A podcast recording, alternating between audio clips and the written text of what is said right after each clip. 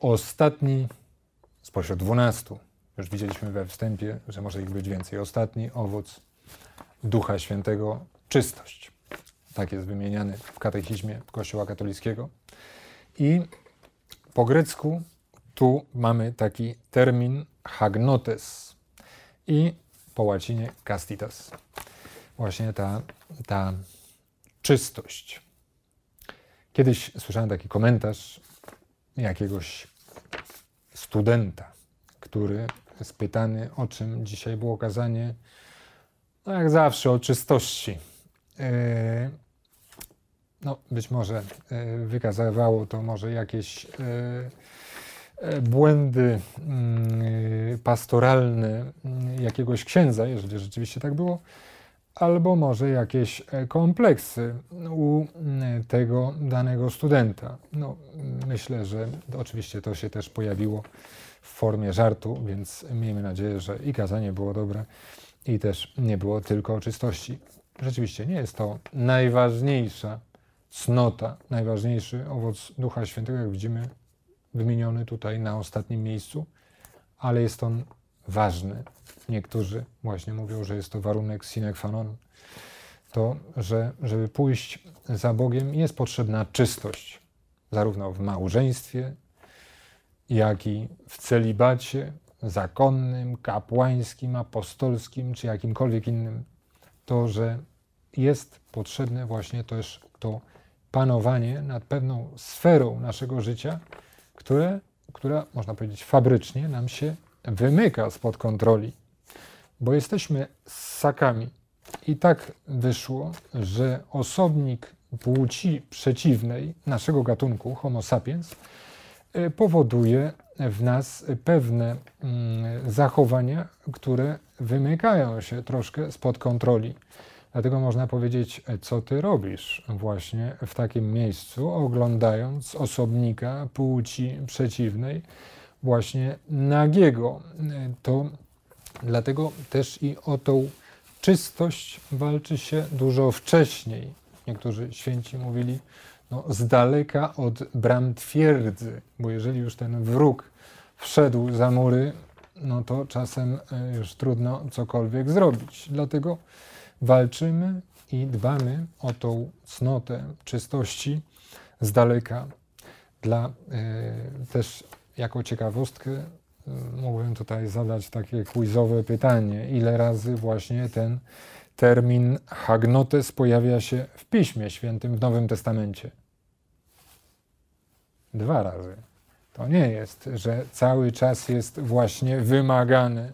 Tylko w drugim liście do Koryntian święty Paweł używa tego terminu.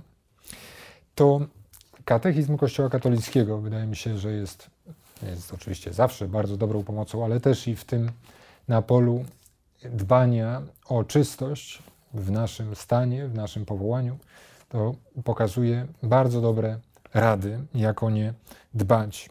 Po pierwsze, definiuje, czym jest czystość i mówi, że oznacza integrację płciowości w osobie, a w konsekwencji wewnętrzną jedność człowieka w jego bycie cielesnym i duchowym. Płciowość wyraża przynależność człowieka do świata cielesnego i biologicznego. Już tutaj o tym mówiliśmy.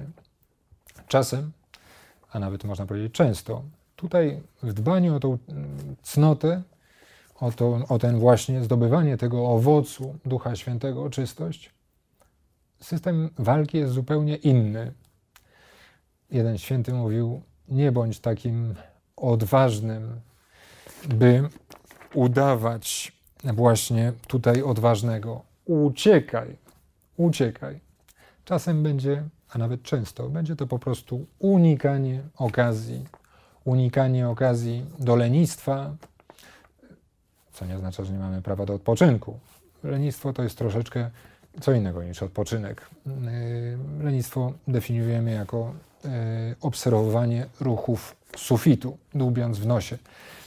Też można oczywiście, patrząc na ruchy podłogi, która tak bardzo się nie rusza.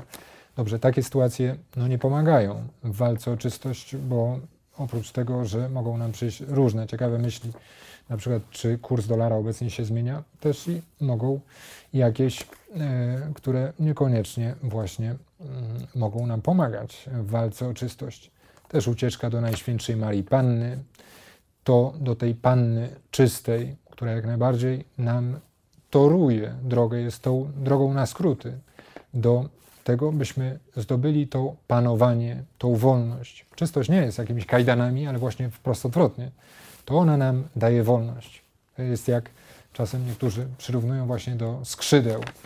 Jakby pozbawić go tych skrzydeł, to będzie lżejszy. No, bardzo fajnie, tylko szkoda, że właśnie przez to już stał się kiwi, a mógł być orłem. Na przykład to, że też o tym mówi katechizm. Godność człowieka wymaga, aby działał ze świadomego i wolnego wyboru, to znaczy osobowo, od wewnątrz poruszony i naprowadzony, a nie pod wpływem ślepego popędu wewnętrznego lub też zgoła przymusu zewnętrznego. Taką zaś wolność zdobywa człowiek, gdy uwalniając się od wszelkiej niewoli namiętności, dąży do swojego celu drogą wolnego wyboru dobra oraz zapewnia sobie skutecznie i pilnie odpowiedniej pomocy. Może troszeczkę wydaje się wyrwane z kontekstu, ale właśnie o tą wolność apeluje katechizm w momencie, kiedy mówi o, o cnocie czystości. To, że też i o tą czystość walczymy do końca życia, tak samo jak i o pracowitość. Walczymy do końca życia i o wszelkie inne dobre cechy do końca życia. Nie, ja już ten temat mam opanowany. Uwaga, uwaga. Już było wielu takich, którzy też tak uważali. Na przykład e, król Dawid był dosyć pewny e, w pewnym momencie. Mm, też tego warto nie iść jego śladami. To mówi też o tym e, katechizm. Panowanie nad sobą jest zadaniem długotrwałym. Nigdy nie należy uważać, że zdobyło się je raz na zawsze. Zakłada ono wysiłek podejmowany we wszystkich okresach życia.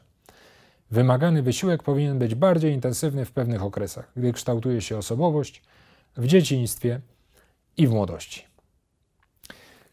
Dlatego też i tym ostatnim owocem czystości no, zachęcam też i siebie, i Państwa o to, żeby dbać o to, żeby nie rozpalać tej słomy, która łatwo może się rozpolić, dbając o to, żeby też i nasze pole uwagi, żeby nasza praca, żeby nasza działalność była skupiona na czym innym, żebyśmy byli na tyle odważni, byśmy uciekali.